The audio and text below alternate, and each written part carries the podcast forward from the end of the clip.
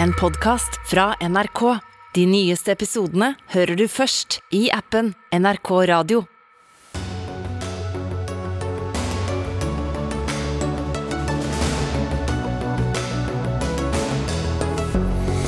Sentralbanken hever renten igjen, men langt mindre enn både Storbritannia og USA.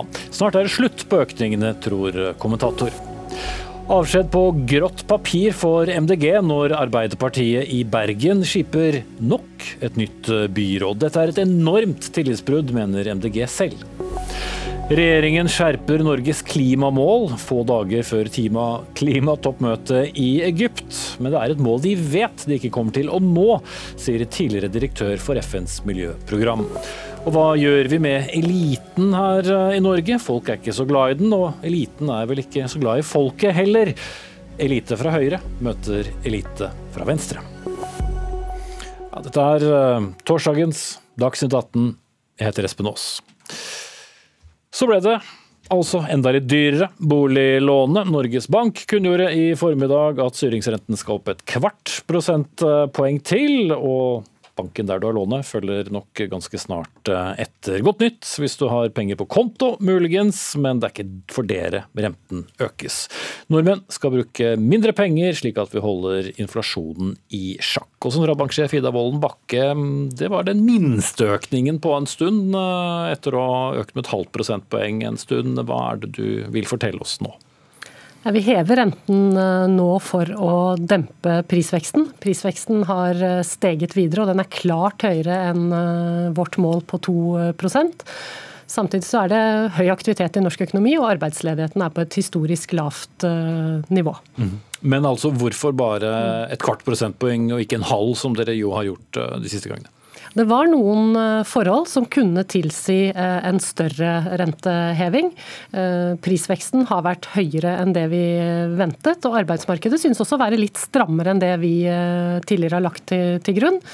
Men på den annen side så er renten satt opp mye på kort tid. Eh, vi mener nå at pengepolitikken virker innstrammende på økonomien, og vi ser tegn til nedkjøling i deler av eh, norsk økonomi. Så det talte for å gå litt mer gradvis frem. Gradvis, ja. For eh, det kan fort bli en kvarting til før det kimer til julefest? Ja, Det videre forløpet for renten det vil avhenge av den økonomiske utviklingen, men mest sannsynlig så hever vi renten videre i desember. Det kom også boligtall uh, idet dere var ferdig med deres pressekonferanse, som uh, viser ganske stor nedgang, bl.a. i hovedstaden og andre steder med, med press. Hvordan kommenterer du de tallene? Ja, Det er tegn til eh, nedkjøling i eh, boligmarkedet. Det så vi allerede før eh, dagens tall. Nå har vi ventet at boligmarkedet skulle kjøle seg ned. Vi hadde ventet at boligprisene skulle falle både i september og oktober. Men så er det riktig at prisene har falt litt mer enn det vi har anslått. Men det underbygger vurderingen vår at det nå er tegn til nedkjøling i norsk økonomi. Vi er jo ikke noen øy og alene, og som jeg nevnte innledningsvis, så Bank of England økte renten eh, med 0,75 prosentpoeng. USA gjorde det samme i går. Hvor mye følger du da med på valutakursene når Norge velger å øke renten så lite? Jo, det er klart vi eh, følger med på det. Norge er en liten, åpen økonomi, og vi påvirkes av det som skjer i eh, landene rundt oss.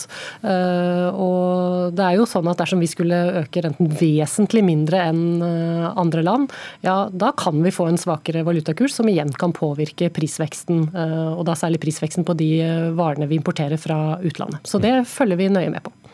Da sier vi takk til deg, sentralbanksjef Ida Wolden Bakke. Og så vender jeg meg videre til deg, Fernanda Winger Eggen, sjeføkonom ved Samfunnsøkonomisk eh, institutt. Eh, og hvis vi plukker opp det siste her, hva risikerer Norges Bank ved å øke renten såpass mye mindre da enn en del av våre viktigste handelspartnere? For dette kan fort slå inn på, på inflasjonen, det også, som eh, Bakke ja, ja, som hun var innom, så er det jo en negativ konsekvens også for norske husholdninger hvis vi øker renten mye mindre enn våre handelspartnere, som vi jo egentlig gjør nå. Eh, og det gjør at norske kronen svekkes såpass mye at det vi importerer, blir mye dyrere. Og veldig mye av det norske husholdninger konsumerer, er jo importert fra utlandet. Det gjelder også bedrifter, både i form av varer de kjøper direkte, men også innsatsfaktorer. Så For norske husholdninger så vil jo kostnadstrykket bli høyere også i fravær av en renteøkning, fordi det vil tas gjennom importert inflasjon. Mm. Og, og, Mye av inflasjonen er jo likevel importert, så ja. hvor, hvor, godt verktøy er egentlig styringsrenten? Ja, jeg tenker at Det er den store utfordringen nå. At det er tilbudssiden og kostnadene som er driverne for inflasjon, ikke etterspørselssiden som kanskje vi typisk har hatt tidligere. Og Da er ikke renten et like godt verktøy, fordi den kan i mindre grad påvirke energi- og matvarepriser, f.eks., som mm. styres internasjonalt. Bare for å spesifisere ja. det da, for de som ikke fulgte deg helt. Hva, ja. hva mener du når du peker på tilbudssiden og etterspørselssiden? Ja, eh, Tilbudssiden, da mener jeg at det er kostnadene som har økt her. Det er kostnadene til bedriftene. og det kan ikke renta direkte påvirke, for den påvirker etterspørselen etter investeringer og varer fra husholdninger f.eks., og derigjennom prisene. Mens nå er det kostnadssiden som har økt. Mm. Så fortsatt, eh, fortsatt, fortsatt er det dyrt? Ja, fortsatt er det dyrt. Men så har vi ikke så veldig mange andre alternativer heller, for det var jo egentlig det du spurte om. Eh, I Norge er vi veldig heldige å ha trepartssamarbeid som kan være en annen type mekanisme for å dempe en lønnsprisspiral, ved at man i eh, forhandlingene, lønnsforhandlingene faktisk blir enige om en reallønnsnedgang. Slik at bedriftene ikke trenger å sette prisene sine like mye opp, mm. og dermed dempe prisveksten. Mm. Det er et stykke tid eh, dit ennå? Ja, det er en stykke tid. Og så har vi også landbrukspolitikk hvor vi kan påvirke matvareprisene. Men renta er absolutt et virkemiddel vi må bruke, og jeg tenker at vi trenger ikke å bruke den like aktivt som i andre land pga. at vi har disse virkemidlene, men den er selvfølgelig den viktigste allikevel. Cecilie Lange Becker, økonomikommentator her i NRK. Renteøkning ble det. Det hadde alle mer eller mindre forventet. Men eh, det kom altså eh, boligpristall, og der hevet mange øyenbrynene. Ja, Det har snudd fryktelig brått nå. Kom, altså, de aller fleste var veldig overrasket over de tallene som kom. Eh, og Det var veldig store utslag, spesielt i Oslo falt boligprisene veldig mye. Det handler jo om flere ting. Det handler selvfølgelig om disse rente, renteøkningene. Det er dyrere å betjene lånene sine. Mange kvier seg for å ta opp eh, større boliglån nå. Eh, og så henger det også nok litt sammen med nå den, vår økonomiske fremtidstro, om du vil. For Vi ser nå at de målingene som nå gjøres, når man snakker om sin, sin, egen tro på egen økonomi fremover, de er rekordlave. Så vi er mer pessimistiske nå også. og Det er en sånn ting som spiller ganske fort inn i boligmarkedet, der hvor psykologi er kjempeviktig. Mm.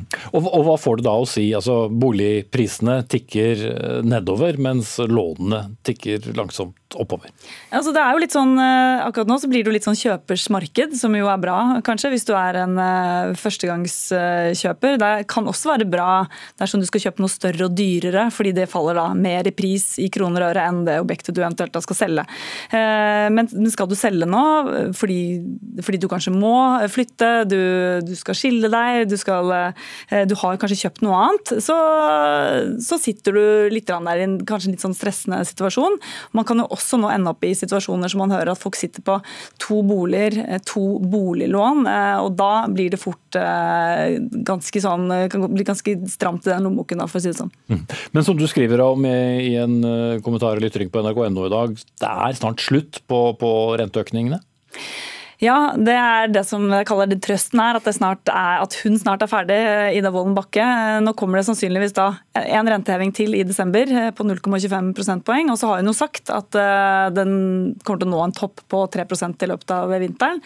Som vil gi deg og meg en boliglånsrente på 4,5% som er veldig mye mer enn den var da for et drøyt år siden når vi hadde nullrenter og veldig lav boliglånsrenter.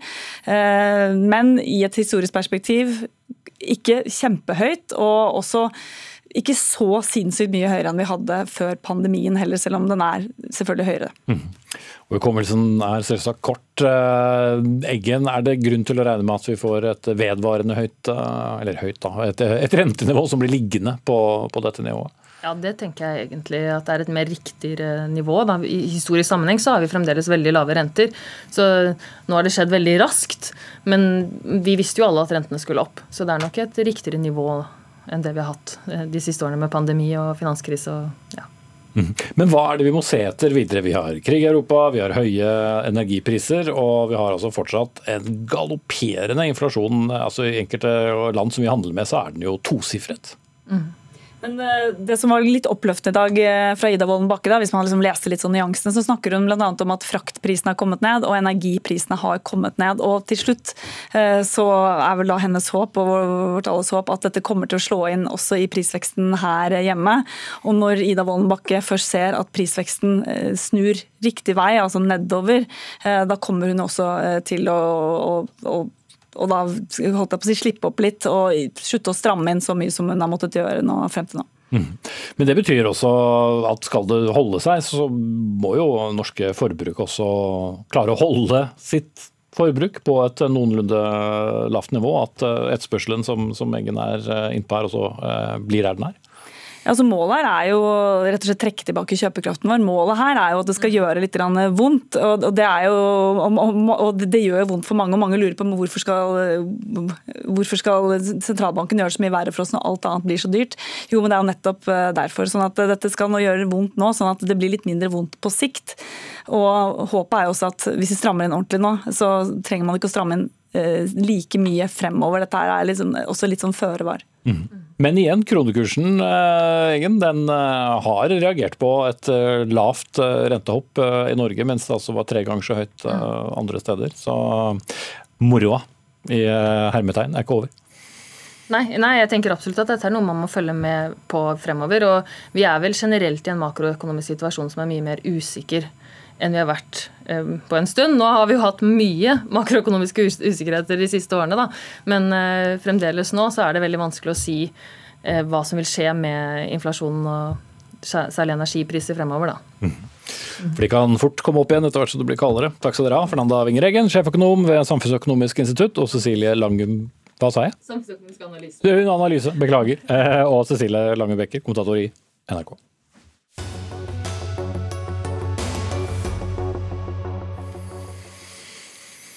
I dag skjerpet eh, regjeringens Norges offisielle mål, som det heter, for utslippskutt.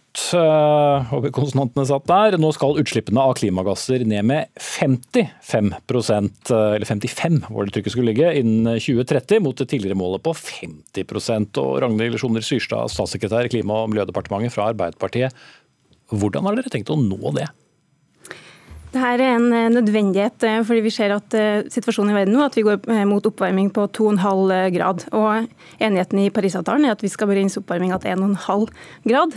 og Derfor er det vår plikt å strekke oss lenger og gå foran som et godt eksempel i det internasjonale bildet. og kutte med 55% Det har vi sagt hele veien, også siden Hurdal. Men spørsmålet er hvordan? Eh, vi legger frem årlige klimaplaner eh, som eh, skal vise hvordan statsbudsjettet f.eks. Kommer en rekke tiltak. og I år er det jo da økt klimagassavgift, økt bruk av biodrivstoff. Vi kommer med mer midler til Enova for å fremme ny teknologi. Og en rekke nye tiltak. Så er ikke det nok, og det har vi vært tydelige på, at vi skal legge frem nye klimaplaner hvert år framover. Nettopp for å fylle på med mer politikk for å ta oss helt i mål. Men vi må kunne strekke oss dit det karbonbudsjettet tillater oss, for at vi begrenser oppvarming oppvarminga til 1,5 grad. Mm. Men det er ikke så lenge til 2030, eh, eh, og det tar tid å bygge opp eh, miljøvennlig energi f.eks. Er det egentlig fysisk mulig å nå det målet? De tekniske potensialene viser det. Eh, og så eh, er det en kjensgjerning at eh, vi har en vei å gå. Men å gi opp nå, det er en veldig farlig galei og det verste vi kan gjøre. Og teknologiutviklinga har vært såpass rask. Vi ser det f.eks. innen elbil. Altså for et par år siden så var det utenkelig at vi skulle ha såpass gode modeller som vi har nå. Og foran oss ligger de nye, raske teknologiutviklingene som vi per nå ikke ser. Men, Men det er ikke bilparken som avgjør om vi når dette målet eller ikke?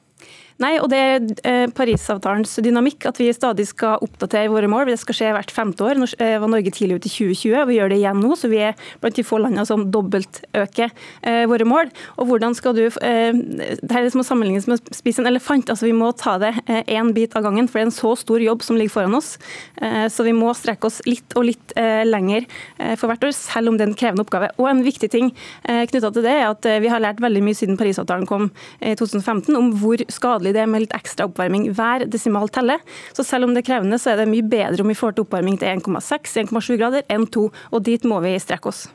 Marius Aron Nilsen, stortingsrepresentant og klimapolitisk statsperson fra Frp. Like mye optimisme er det ikke å spore hos dere. Dere reagerer rett og slett på at uh, regjeringen oppjusterer klimamålet. Hvorfor det? Det gjør vi. For eh, allerede på det eksisterende målet så hadde man ikke inndekning. Man er langt unna å kunne oppfylle det. Og det å da skal øke dette her uten at man har realistiske måter å nå det, det er ganske meningsløst. Hvis det er bare å tenke på et tall, og det viktigste er selve målsettingen, så kunne vi eh, kuttet 90% for den saks skyld. Det må gjerne være litt gjennomføringsevne. Og så gjør man akkurat den samme feilen som Venstre, Høyre og KrF gjorde her nå eh, forrige gang man økte, økte klimamålsettingen etter vi gikk ut av regjering. og Det er å spille ut alle kortene før forhandlingen starter. Der man ikke tok med skogen, som eh, både EU og flere andre land gjør. Så vi kunne nådd klimamålene hadde vi gjort dette intelligent. Hadde vi regnet med skog og hatt en fornuftig politikk nå, men man ønsker å gjøre det vanskeligst mulig. Og nå med enda høyere mål enn de som allerede var vanskelig å, nå. Hvor ville du lagt målet da? Vi har jo sagt at vi mener 40% som det opprinnelig var før vi gikk ut av, uh, ut av regjering, er en fornuftig målsetning. Vi må også huske at vi er en fornybar energinasjon. Vi har nesten 100% fornybar kraft. og Vi sammenligner oss da mot land som fremdeles bruker massevis av kullkraft og annen forurensende energiproduksjon. Så det at vi skal være de som kutter mest, det er ganske meningsløst. Vi er allerede blant verdens beste. Syrstad. Nei, Her er Frp det eneste partiet i Norge som er villig til å sende oss utfor eh, klimastupet. Jeg synes det er veldig alvorlig at de ikke tar eh, klimaendringene på større alvor. Kantar kom eh, med sitt klimabarometer i dag som viser at det er dobbelt så mange som kjenner klimaendringene på kroppen her i Norge nå, sammenlignet med for ti år siden. Og det må vi ta på alvor. Men Det er jo lett å tenke at det bare er et tall. Man øker det fra 50 til 55 altså vil, På hvilken måte vil vi merke forskjell på at dere har meldt inn, da, for det er jo det dere gjør, et, et nytt mål? Det, du merker forskjell ved at klimapolitikken strammes til år for år, og at vi sender veldig tydelige signal på hvor vi er på vei. F.eks. med at CO2-avgiften skal opp til 2000 kroner innen 2030. Det er et veldig viktig signal overfor næringslivet å forholde seg til, på at eh, vi vet eh, hvor vi skal i klimapolitikken. Og så synes jeg eh, Frp har et ganske urealistisk bilde av hva det vil si å komme til klimatoppmøtet tomhendt og forlange ulike krav til de asiatiske landene der. Men alle sammen har jo vært på dugnad og vet at den som kommer tomhendt, eh, ikke har så mye skulle ha sagt. Unnasluntrere blir ikke lytta til. Eh, så vi går foran som et godt eksempel, mener vi, og vil sende et tydelig signal om at verden kan mer, og at i-land bør gå foran. Men det mener ikke du, Nilsen? Nei, Det er jo ganske absurd og ganske grandiost selvbilde man her har. Altså, Vi har vært blant verdens beste i snart 100 år, så hvis vi kunne gått foran et godt eksempel, så hadde det skjedd allerede. Men det som er spesielt å høre, er jo Altså, man, hvis man er oppriktig bekymret for klimakrisen, så er jo den politikken som regjeringen legger opp til, det siste man ønsker bør gjøre. Altså Bruke 50 milliarder eller mer.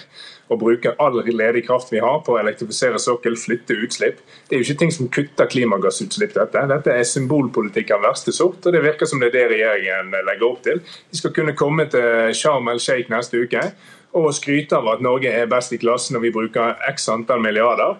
Men det man denne politikken vil føre til, er bare det at næringslivet og alt flytter ut. og Det er en dårlig måte å kutte utslipp på. Det er langt dyrere å la være eh, å ta klimaendringene på alvor, fordi det vil føre til helt katastrofale endringer og bli langt eh, dyrere. Eh, og så er det noe med at Vi har faktisk lyst til å gå foran og kutte utslipp fordi det fremmer konkurranseevnen til norsk industri. Og Når vi i Norge legger frem i skoene, så sikrer vi at arbeidsplassene og næringslivet har et liv også i nullutslippssamfunnet. Men, men gjør det nødvendigvis det hvis du gjør det dyrere for disse bedriftene? Fordi de må betale mer for utslipp? Det blir jo enda dyrere hvis vi da eh, tar inn over oss klimaendringene som er eh, på trappene. Vi har eh, en, den varmeste sommeren i Europa bak oss. Tørke, det er stor flom i Pakistan. Eh, klimaendringene eh, de kan ikke settes på vent til tross for at vi nå har et dystert bilde i verden med andre kriser i tillegg. Og Det gir store skader som også fører til veldig store kostnader. En som har lyttet på dere begge nå, er deg, Svein Tveital. Du er tidligere direktør for FNs miljøprogram og representant for det som heter Besteforeldrenes klimaaksjon nå. Eh, hva tenker du om dette 55 %-målet? Kan de klare å nå det? Jeg tror ikke det. De eh, prognosene som en ser nå, eh, med den politikken som er i dag, så vil en kanskje heller eh, stoppe på 20-30 eh, I 2030? I, i 2030. Og grunnen til at uh, vi ikke vil klare å uh, stoppe den globale oppvarmingen på 1,5 grad, det er ganske enkelt. Nå, nå, er det generelt for kloden, men det er fordi at vi ikke har hørt på hva forskerne har sagt tidligere er nødvendig. Og uh, Da blir de kurvene med utslippene som skal gå ned, og de kurvene med fornybar, fornybar kraftproduksjon som skal gå opp, altfor eh, bratte. Og da tenker jeg at eh, vi bør heller innrette oss på noen gjennomførbare mål. og jeg tenker fortsatt at det å begrense oppvarming til to grader er eh, mulig. Men selv det vil kreve en mye større action enn det vi ser av politikk i dag, som en tenker skal klare å stoppe eh, oppvarming på 1,5 grader. Så, så regjeringen her har rett og slett satt seg et mål som den burde vite at den ikke når, er det det du sier, Tveita? Jeg sier vel egentlig det fordi at eh, f.eks. så må jo da utslippene neste år gå veldig mye mer ned enn det som de legges opp til med dagens politikk. Og vi kan jo ikke ta liksom alle disse utslippsreduksjonene de siste året. Så, eh, sånn er det. At det er så krevende nå at jeg tenker at det er mer realistisk å prøve å lage en god plan for å stoppe på to grader, eller lavere enn det. Hver grad teller. Det er veldig mye viktigere å forebygge klimagassutslippene, fordi de er irreversible eh, klimaendringene, og vi vet ikke om vi får mulighet til å reparere dem. Og Når vi vet at det er så stor forskjell per eh, desimal oppvarming, så må vi jobbe for å få den sakte, men sikkert ned mot 1,5 grad. Og Nå er det 24 eh, andre land som også har oppdatert sine mål, og det viser en velvilje til å strekke seg lenger. og Det er helt nødvendig for at vi skal få bukt med de svært dramatiske konsekvensene som klimaendringene fører med seg, hvis vi ikke eh, gjør nok. Er det ikke bedre å sette høye mål enn for lave, da, Tveita?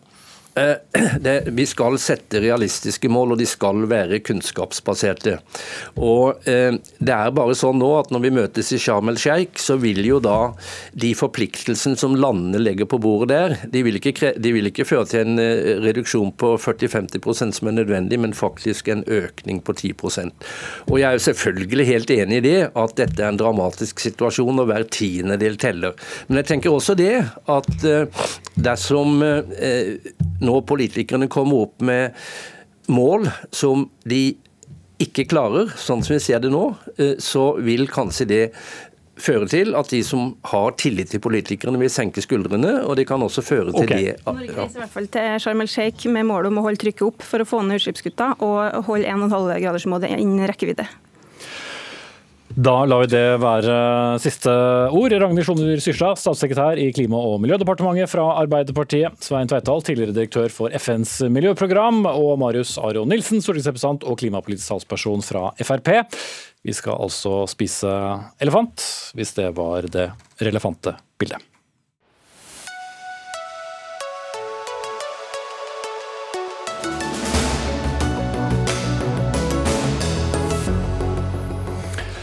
Det gikk ikke så stille for seg da Bergen i dag fikk nytt eh, byråd, eh, parentes, igjen. For det har det med å endre seg politisk eh, i vest. Og hvis vi stopper opp ved forrige byråd, bestående av Arbeiderpartiet, Venstre og MDG, så ble det tvunget til å gå av tidligere høst pga. det som har blitt kjent som barnevernsskandalen. Men opp av asken kom Arbeiderpartiet og skipet et nytt byråd. Og besetningen denne gang består da av ny byrådsleder Rune Bakervik, men kun med Venstre, som fikk 3,8% oppslutning ved forrige valg. MDG var sendt på gangen, og kanskje ikke så overraskende reagerte du på dette. Nå avtroppende miljøbyråd fra MDG, Tor Håkon eh, Bakke. Hvordan opplevde du eh, dette? Nei, altså, Vi har jo samarbeidet godt i tre år, og for Miljøpartiet De Grønne så har jo selvfølgelig natur- og klimasaken vært den fremste. Eh, og Det har vi jobbet godt med og samvittighetsfullt med og levert virkelig gode resultater for, eh, for Bergen by. Eh, og Så har vi nok også reagert litt med sjokk i dag, fordi at den begrunnelsen som vi har fått servert, den mener vi rett og slett ikke holder vann. Ja, rett og slett at det er bystyret, altså de andre partiene, som har pekt på at det er et Ap-venstrebyråd som er det de, de, vil ha, men du, ikke, du, du tror ikke på den historien? Nei, altså, Arbeiderpartiet har ført samtaler sammen med flere partier eh, som ønsket et eh, Ap-ledet byråd, eh, men alle de partiene har i dag i løpet av dagen dag bekreftet at de ikke eh, ønsket MDG ut, og at de ikke pekte på et Ap-venstre-byråd. Eh, samtidig så har det vært eh, forklaringen fra Rune Bakervik og Arbeiderpartiet i hele dag. Så vi syns jo at det er en dårlig start på byrådsledergjerningen å servere litt halv halvsannheter på hvorfor man ikke ønsker MDG med. Da syns vi heller at man kan være ærlig på det. Ok, vi iler til, vi. For eh, vi som følger sendingen på TV, ser en Rune Bakevik som sitter ved siden av deg i studio i Bergen. Nye byrådslederen altså. Hvorfor ville du ikke ha med MDG? Hvis dette, den opprinnelige historien din ikke er helt riktig? Eh, la meg starte med å si her kommer jeg verken med usannheter eller uriktige opplysninger. Det som vi må huske på, er at selv om eh, det er et nytt byråd, så er det ikke sånn at bystyret i Bergen har gått av. Bystyret i Bergen består av de samme 67 representantene som de har gjort i hele denne perioden, og det gjør de frem til høsten. Så er situasjonen sånn at, og det er det merkelige her, det var et flertall for å felle et Ap-ledet byråd, samtidig som det viste seg at det var også et flertall til å peke på et nytt Ap-ledet byråd. Eh, altså et flertall i bystyret som ville ha meg til å lede byrådet, og Arbeiderpartiet som det ledende byrådspartiet. Jo, men hvordan havnet du da der at eh, du kun ville ha med deg Venstre videre, og ikke MDG? Og da er det sånn at når eh, seks ulike partier peker på Arbeiderpartiet, så har jeg snakket med alle disse partiene hver for seg for å danne meg et inntrykk. Hva er det de ligger i den tilliten? Hvordan mener de at Bergen skal kunne styres gjennom resten av denne valgperioden? Og Basert på de samtalene så er det min oppfatning at et byråd bestående av Arbeiderpartiet og Venstre er det byrådet som har størst sjanse for å få igjennom politikken i dagens bystyre, med det bystyret som sitter i dag. Fordi det ville bli for krevende med MDG videre? Det må de som eh, De ulike partiene må svare på hvorfor jo, de er. Men det er jo, ja, og jeg kommer jo selvfølgelig ikke til å oppgi hva de enkelte har sagt til meg. Det er fortrolige samtaler jeg har hatt med de. Men det har i hvert fall styrket meg i troen på at skal jeg ha noe som helst mulighet, så er det dette som er den beste konstellasjonen. Bergens Tidende snakket jo med SV, Rødt og Senterpartiet. Ingen av dem eh, ville bekrefte din historie, men uh, du holder på den? Ja, for det er faktisk den sannheten som er. Bakke. Nei, altså Forvirrete gruppeledere fra disse partiene har jo kontaktet meg i dag, og skjønner jo ikke helt denne historiefortellingen fra Arbeiderpartiet sjøl. Og jeg skjønner jo at det er ubehagelig eh, for Rune Bakervik å bli konfrontert eh, med dette. Eh, men jeg synes at det er noe så alvorlig som styringen av byen, og Bakervik har vært tydelig på at han er opptatt av en god, stabil, finne kompromisser i bystyret. Det er det samme som Miljøpartiet De Grønne også har vært tydelig overfor Arbeiderpartiet på at vi også ønsket å bidra med fra byrådssiden. Det er merkelig eh, å gå på og samtidig da eh, være så utydelig og ull eh, om begrunnelsen, og samtidig ville basere seg på samarbeid med de da partiene som ikke kjenner seg igjen i den beskrivelsen da Arbeiderpartiet og byrådsleder Rune Bakervik i dag presenterer. Mm. Men Også, det blir jo et mindretalls, det ville jo vært et mindretallsbyråd uansett om dere hadde vært med videre fra MDG. Kan du ikke se at det kan være lettere å styre med ett annet parti enn to? Jo, vi har jo et representativt demokrati eh, i Bergen. 10 eh, av velgerne stemte på Miljøpartiet De Grønne og ønsket vår politikk. Eh, har fått levert så til de grader på det de siste tre årene, og vi skal vise frem til valgdagen neste år at vi skal fortsette å levere for mennesker og miljø. Men det er altså nå 16 representanter, 13 i Arbeiderpartiet og 3 i Venstre, av 67 i bystyret som nå skal styre. Men med våre syv representanter så ville det selvfølgelig vært et styrket byråd med tydeligere parlamentarisk parlamentarisk grunnlag som kunne ledet byen trygt og godt inn mot valgdagen neste år. Så er det flere ting jeg også reagerer på eh, fra eh, de påtroppende eh, byråd, flere påtroppende byråder i dag. Så snakkes det om plikt og en slags lidelsesfortelling på at man skal gå på. Mens Miljøpartiet De Grønne vi er energiske og entusiastiske, og vi har ledet byen med futt og fart og fest. Og det ønsket vi å fortsette med. Du skal få slippe å fortsette den. Men jeg må jo spørre deg da, Bakkevik. sånn det blir poengtert, det er en valgdag valgdag, og den er i september neste år. Nå er vi i november, eh, og du skal styre da et mindretallsbyråd frem mot det valget. Hvordan vil du vurdere sjansene for å vinne valget neste runde? Nei, det er helt klart. Det er ingen som, av de byrådene som har gått på i dag, som tror at, og vet at dette blir en enkel jobb. Heller tvert imot. Det blir knallhard jobbing. Men det er nå sånn en gang Bergen er styrt, med en parlamentarisk eh, modell. Vi må ha et byråd. Men som jeg har poengtert opptil flere ganger, all makt ligger i bystyret hos de 67 representantene som bergenserne har valgt inn.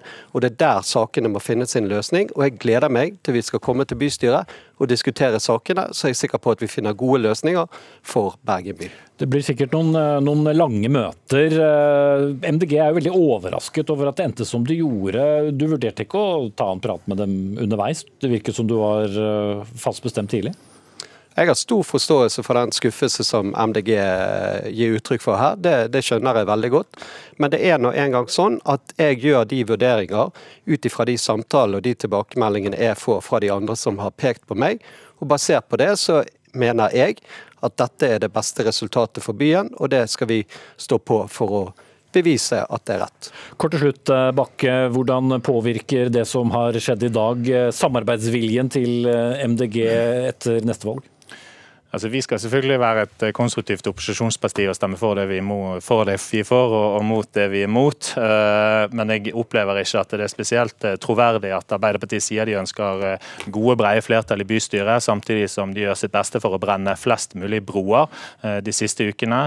Så i tiden fremover så kommer vi til å søke samarbeid med alle som er enig i vår politikk, og det ser vi selvfølgelig frem til. Vi skal kjempe for det grønne prosjektet hver eneste dag.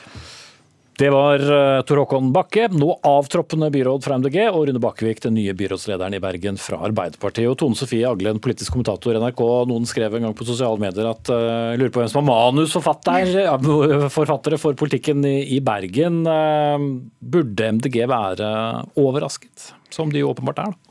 Ja, eh, både overraska og skuffa, som vi hører her. Eh, nå fikk du jo kanskje en forsmak på det sist det kom et nytt byråd, som jo ikke er veldig mange uker siden. Da ble jo nettopp Tor Håkon Bakke, som vi nå hørte, vingeklippa og mista en del av eh, sin portefølje. Men det har jo vært et viktig samarbeidsparti. De har vært lojale. og så er kanskje litt av problemet at de også har tatt Eh, mye plass eh, i byrådet, og kanskje skygga litt for eh, hva slags byråd Arbeiderpartiet ønsker å være. Så vært litt urokråke i byrådet for Arbeiderpartiet? Ja, det er jo alltid sånn at De partiene du samarbeider med, setter jo litt farge på byrådet. og Det er nok en del som mener at det har trukket byrådet i en retning som kanskje gjør det vanskelig både for Arbeiderpartiets velgere og også mot sentrum, hvor man åpenbart ønsker å posisjonere seg sterkere fram mot valget. Og Vi har jo for så vidt sett i andre byer òg, men her går altså byrådet av fordi at eh, bystyret ikke har tillit til dem. Og så gjenoppstår det delvis. Hvorfor endte vi der igjen? Ja, denne gangen så handla det jo om en reell politisk sak, eh, nemlig en stor skandale i barnevernet i Bergen, som gjorde at man eh, mista tillit, og et stort flertall av partiene i Bergen bystyre vedtok mistillit. og Det endte jo med at Roger Valhammer måtte gå. Eh, det lå vel i kortet at det ville komme et nytt Arbeiderpartibyråd med delvis nytt mannskap. Men at det skulle bli ett parti færre eller mindre, var vel ikke helt eh, det man så for seg. For problemet til Arbeiderpartiet i Bergen har jo vært at eh, det har framstått som de har blitt mer og mer venneløse. Det ene partiet etter det andre har liksom takka litt for seg. Så nå velger de jo kanskje å brenne bruer til enda et parti. Og MDG er jo litt spesielt òg, for i flere store byer så ser vi at særlig Høyre gjør sine hoser grønne, da, bokstavelig talt for Miljøpartiet De Grønne. Så det er jo litt dristig også av Arbeiderpartiet å gjøre dette. Mm. Ja, det blir jo færre venner. En gang var var KrF med i byrådet, og nå er også MDG ute. og Forholdet til SV har jo også surnet litt uh, over tid. Så hvis vi vender tilbake til dette valget uh, neste år, uh, slik politikken ser ut nå, hvor, hvor gode sjanser har Arbeiderpartiet på en ny runde i byråd? Nei, De ligger jo veldig dårlig an både på målinger og omdømme, og også med samarbeidspartier, som eh, du gjorde rede for. Eh, og Utfordringa er jo kanskje at de med dette grepet her eh, tar venstresida for gitt. Men det kan også være en litt sånn slags redningsøvelse for Arbeiderpartiet, hvor de tror at med et Ap-Venstre-byråd så vil det være lett lettere for dem å appellere mot sentrum, kanskje gjøre det trangere for Høyre. Og vi ser også at de bytter liksom ut mannskap. Det kommer en del litt mer eldre, det kommer en kjendis inn i bystyret med litt mer sånn folkelig appell. Så Doddo, kjent fra unge, frustrerte menn. ja, så det, det, det er ikke Utfordringa til Arbeiderpartiet da, når det er så vanskelig som det er nå, så kan det jo også gå bedre for dem. og Det kan hende at man ser på det her som en strategisk øvelse for å prøve å gjenvinne både posisjon og ære i Bergen. Det er én sesong igjen, skal vi si det sånn. Det er sikkert Minst. flere. Sikkert flere. Tone Sofie Hagelund, politisk kommentator her i NRK. Takk skal du ha.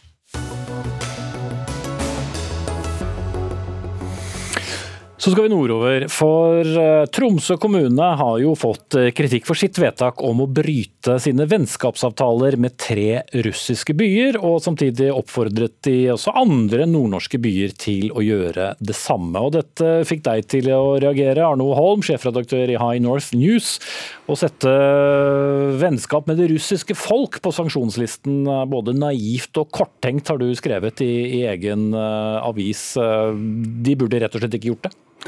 Nei, de burde ikke gjort det. I Utgangspunktet er jo at allerede i mars, altså like etter invasjonen, så ble alle disse vennskapsavtalene som norske byer og kommuner har med Russland, stilt i bero og lagt på is, eller frosset om man vil.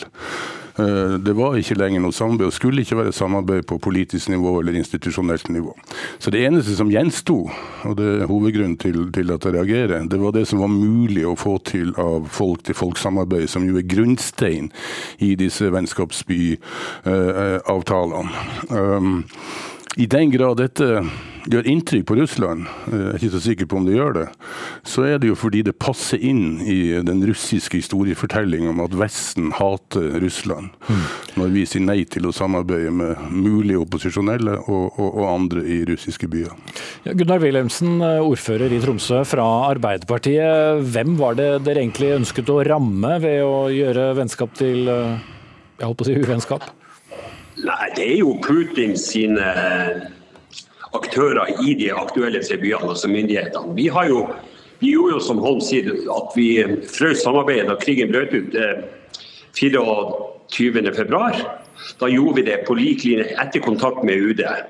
Etter det så har det skjedd mye. Og det skjedde nå i høst. Det var en eksplosjon i, i eh, Østersjøen. Det var droneaktivitet i Norge. Vi har hatt flere russiske droneaktører som har vært eh, arrestert. Jo, Vi kjenner historien, men, men det å bryte disse vennskapsbåndene, i hvilken grad endrer det noe?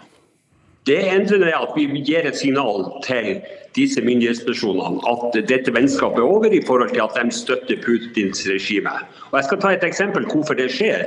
Det er nemlig det at eh, vi har et samarbeid som heter Arctic Mails Forum. De skulle være medlem i Murmansk bl.a. De fikk ikke lov uten godkjennelse fra Kreml. Og Det er det som skjer hele tida. Vi driver med folk-til-folk-samarbeid. Kulturskolen i Tromsø vi har det folk-til-folk-samarbeidet. Jeg har vært styreleder i Filmfestivalen i Tromsø i flere år.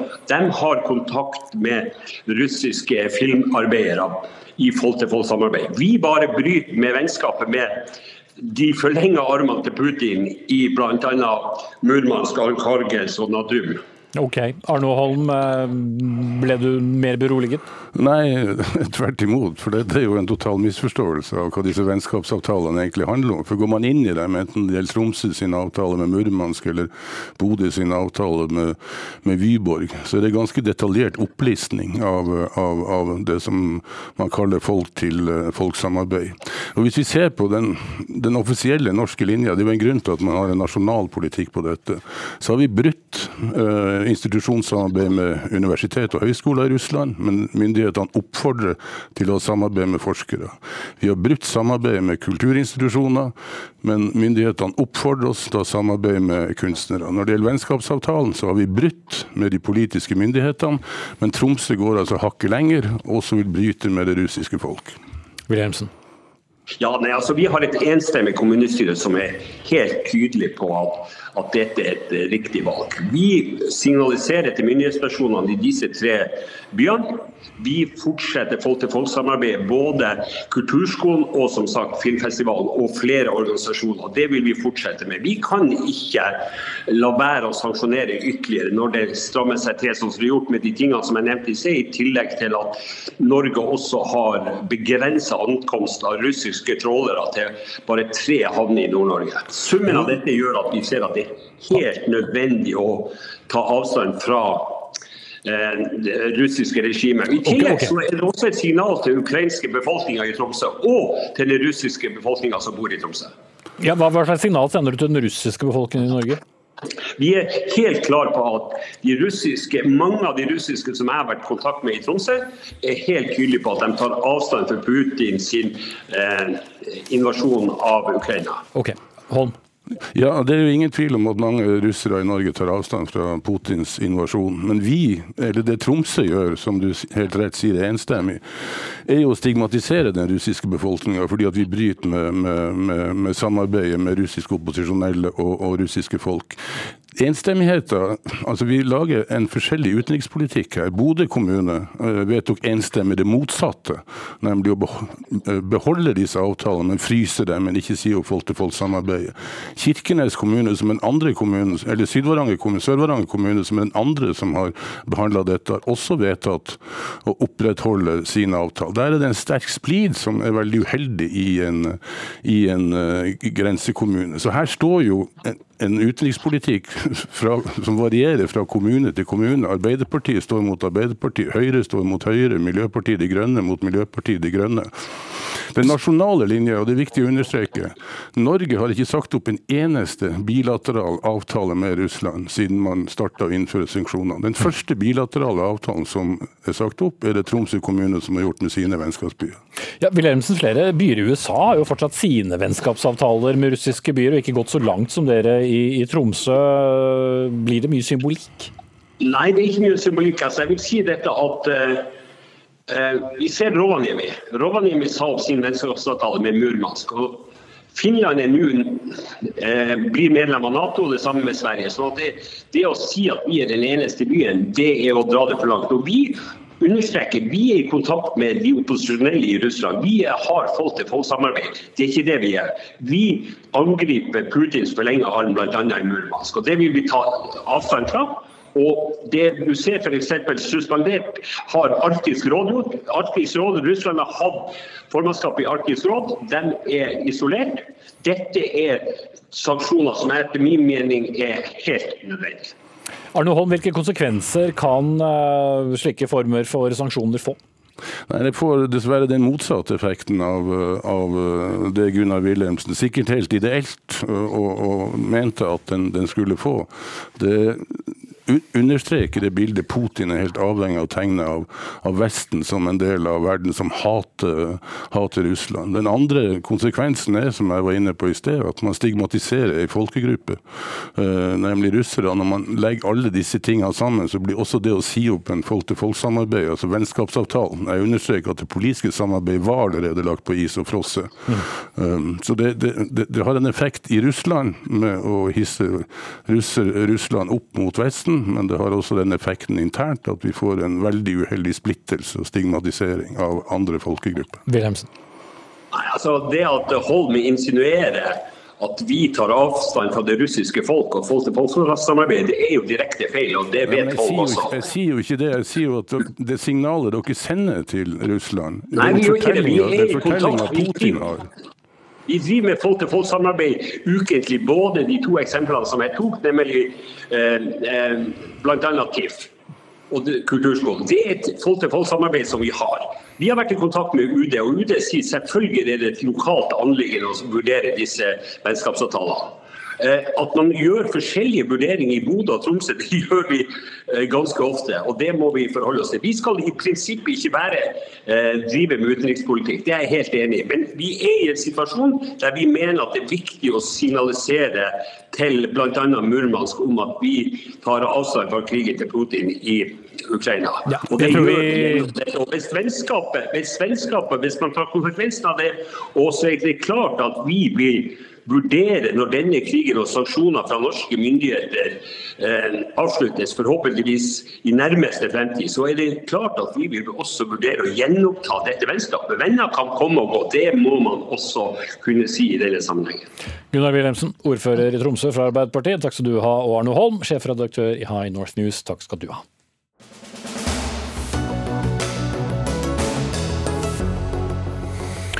Hvor mange skal og bør få komme på barselbesøk? Ja, det er neste tema her i Dagsnytt 18. For under koronapandemien dere husker dem, så var det nesten ingen som fikk slippe inn på barselavdelingene av åpenbare grunner. Og nå fortsetter mange sykehus med strenge besøksregler, slik at det bare er far, eventuelt medmor og søsken som får komme på besøk.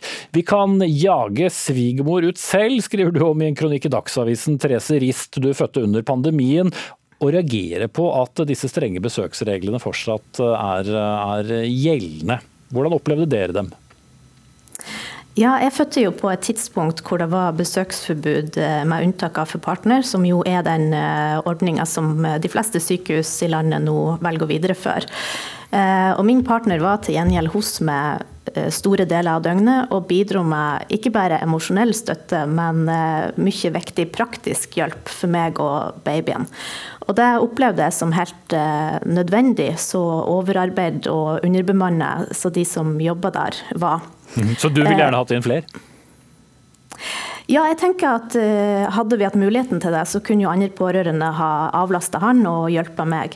Men eh, hovedgrunnen til at jeg reagerer på det her, det er jo at det koker ned til et spørsmål om eh, hvem som skal få lov til å ta avgjørelsen. Jeg har jo trua på at voksne damer sjøl vet best hva, de, hva og hvem de trenger i dagene etter fødsel, og at de er i stand til å, å bestemme det sjøl. Hanne Charlotte Skjeldrup, du er leder i Jordmorforbundet. Hvorfor ønsker dere å fortsette med strenge restriksjoner? For oss i Jordmorforbundet så mener vi det er viktig at vi legger til rette for at mor får nok hvile etter fødsel. Det er òg en sårbar medisinsk fase der vi trenger å få gitt mye informasjon på kort tid.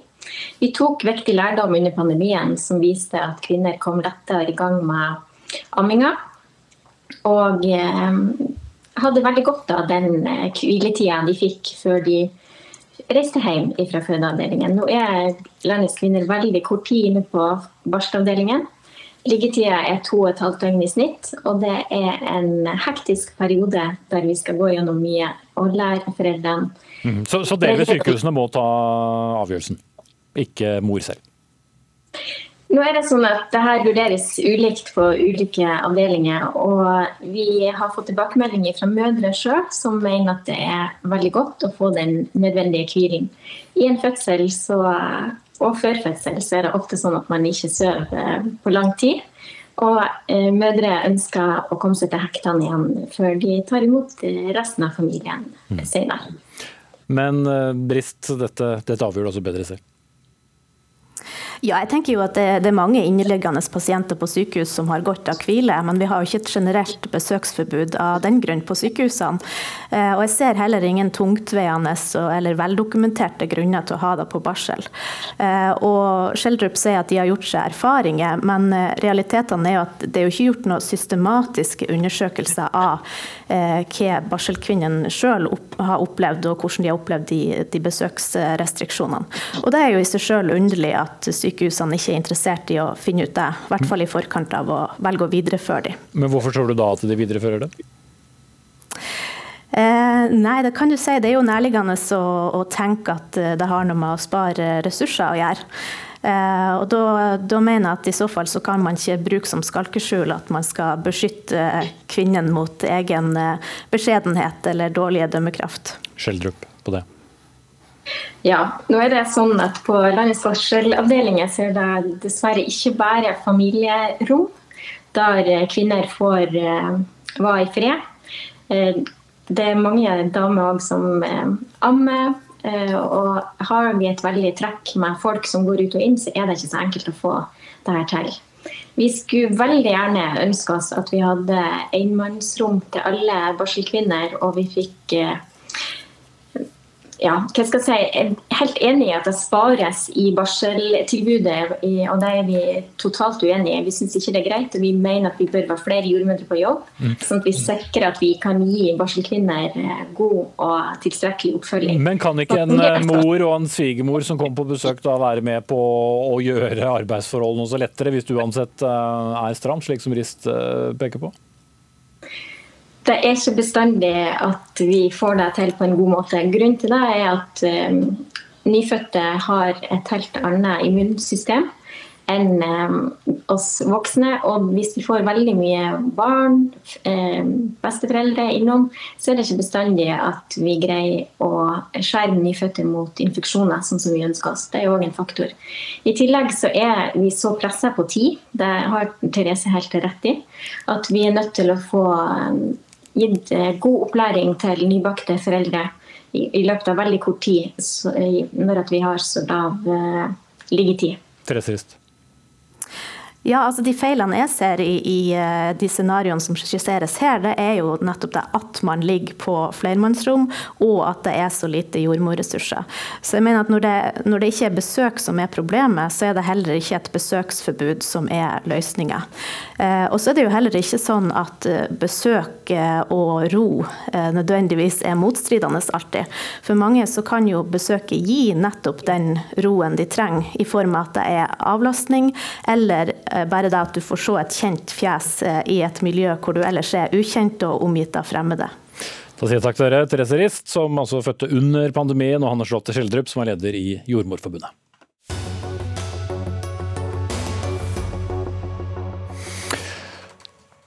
Det har jo hendt at vi er blitt beskyldt for å være et uh, eliteprogram, familieprogrammet Dagsnytt 18, men nå skal det handle om uh, samfunnseliten og hva vi gjør med den. Sett fingermaten i kjøleskapet, avlys strategiseminaret og verdiprosessen for å finne virksomhetens purpose, kanseller billetten til Birkebeinerrittet og selg Teslaen.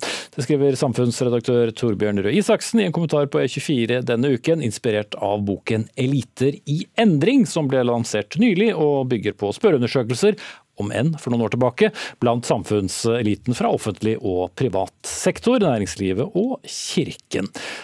Og det vi ser, er at uh, elitene er uh, som du står, mildt misfornøyd med folket. Og Torbjørn Røe Isaksen, uh, du har også skrevet mye om dette. Hva kan bli konsekvensen av det? For folk blir jo mindre og mindre fornøyd med eliten. Også. Ja, Det er vel to poenger her. Det ene er at etter 2015 så er det veldig mange store ting som har skjedd. Som den siste store undersøkelsen. Ja, ikke sant. Så er det veldig mange store ting som har skjedd som ikke har gått elitene, hvis man kan kalle det det, i Vestens vei. Brexit, Donald Trump, gule vesten i Frankrike etc etc.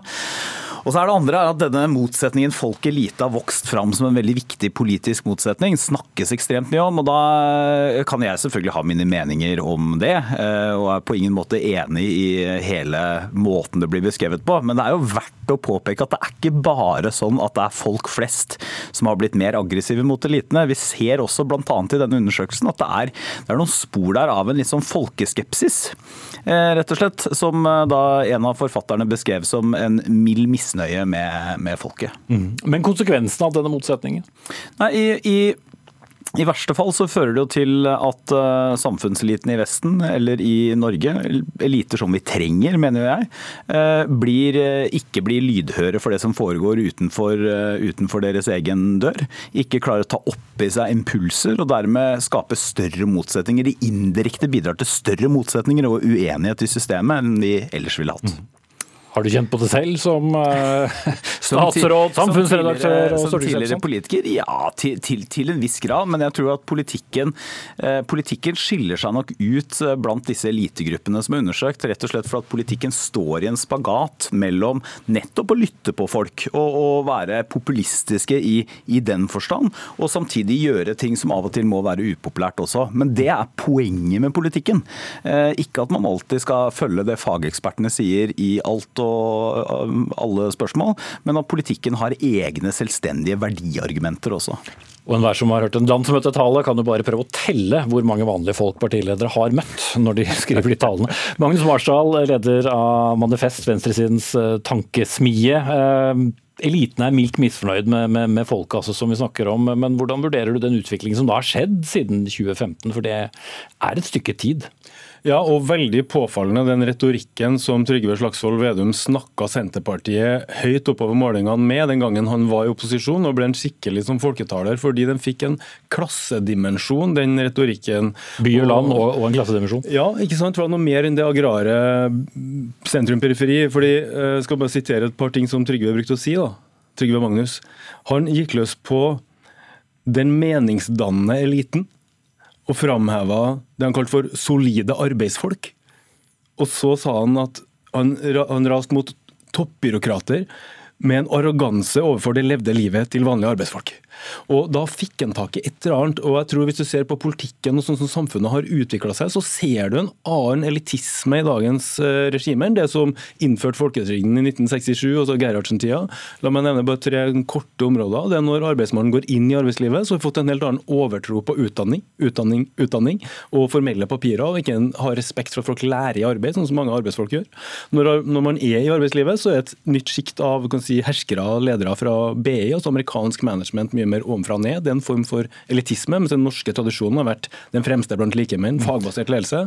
Og det siste, bare for å nevne det, er at når man går ut av arbeidslivet, så blir jo også arbeidsfolkets eh, vilkår ofte usynliggjort, fordi de lever kortere, har tyngre jobber, kan ikke stå så lenge i arbeid for å få en god pensjon, og opplever jo måte, utslagene av den elitistiske politikken. altså at verden sett fra staten, sett fra eh, folk med høyere utdanning. Så, så den lille mann også en ny form for klasseskille da, i det jo, men sånn, en, en, opplevelse av der folk kanskje før, da, altså under Gerhardsen, for å kalle det det, opplevde at arbeidsfolket ble sett og ble løfta fram og ble tatt hensyn til i politikken på en annen måte, så er det mer den gamle embetsmannsstatens blikk ovenfra i dag. Og det fanger jo sånne retorikere som Trygve Slagsvold Vedum opp med kaffekoppen sin i opposisjon, mens det er vanskeligere når han nå sitter i det samme byråkratiet sjøl. Nå kommer, kommer Marshall til å dunke hodet i bordplata etterpå, for det, i 1967 var det jo borgerlige Borten-regjeringa som satt, jo, men det, det var selvfølgelig jo, jo, men det var tida Irrelevant for poenget ditt, men jeg tror, altså jeg, jeg tror at sant, uansett Marsdal er jo til venstre, jeg er jo, selv om jeg ikke er medlem i Høyre, så er jeg jo en mann av høyresiden. Uh, så vi er nok uenige om veldig mye, men at dette er en av de definerende konfliktene i politikken, det tror jeg er helt åpenbart. Så vil jeg nok si at den analysen som Marsdal har, er ikke jeg helt enig i, fordi uh, det har også skjedd veldig store skifter i det norske folk. Uh, F.eks. så har Norge vært gjennom en utdanningsrevolusjon. Andelen som får høyere utdanning, den overdrives av og til. Altså Vi snakker som om alle jobber på kontor og kan ha hjemmekontor. Det kan vi ikke, men det er mange flere enn før. Men det er ikke gitt at du føler deg som en del av eliten. Du kan jo likevel føle deg som en liten mann og kampen mot systemet. Ja, nettopp. Og mitt poeng er vel rett og slett at uh, nå, som, nå, som, jeg eh, skal forsøke å se dette fra utsiden, det er at politikkens rolle, enten man er til høyre eller venstre, det er ikke uh, alltid å liksom dunke gjennom det man mener er det mest fornuftige der og da. Poenget er også å skule til hva som er folkemeningen. Og det er av og til litt uglesett, og det burde det ikke være. For det politisk legitimitet handler også om å kunne ha øyekontakt med folk. Og det handler om å ta opp i seg og ta alvorlig og eh, til en viss grad også handle på strømninger som er ute blant folk. Ja, og der tror jeg at Hvis vi kan snakke om en form for elitisme i norske systemet i dag, da, som er en veldig egalitær kultur, der også de med mye makt liker å underspille ulikhet, så tror jeg den norske eliten, makteliten i hvert fall, har en sånn ideologi i dag, så en slags elitisme som består av to, sånn en slags legering.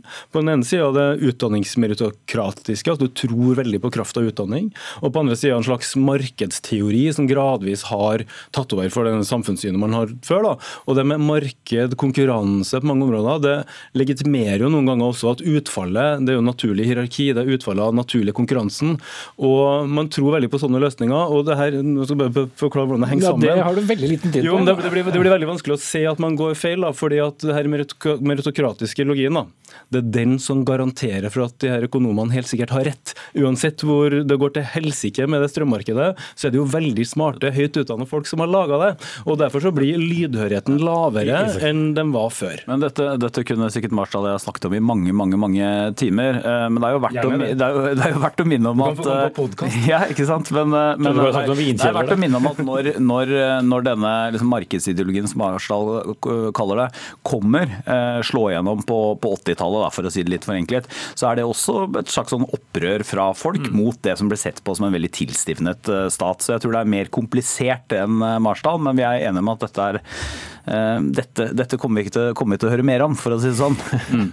Sa samfunnsredaktør i 24 Torbjørn Risaksen, og så hadde vi Magnus Marsdal, leder av Manifest, Venstresidens tankesmie, for denne folkelige samtalen på slutten av Dagsnytt 18 denne torsdagen. Ansvaret for sendingen det var Gro Arneberg, Frode Thorshaug tok seg av det tekniske.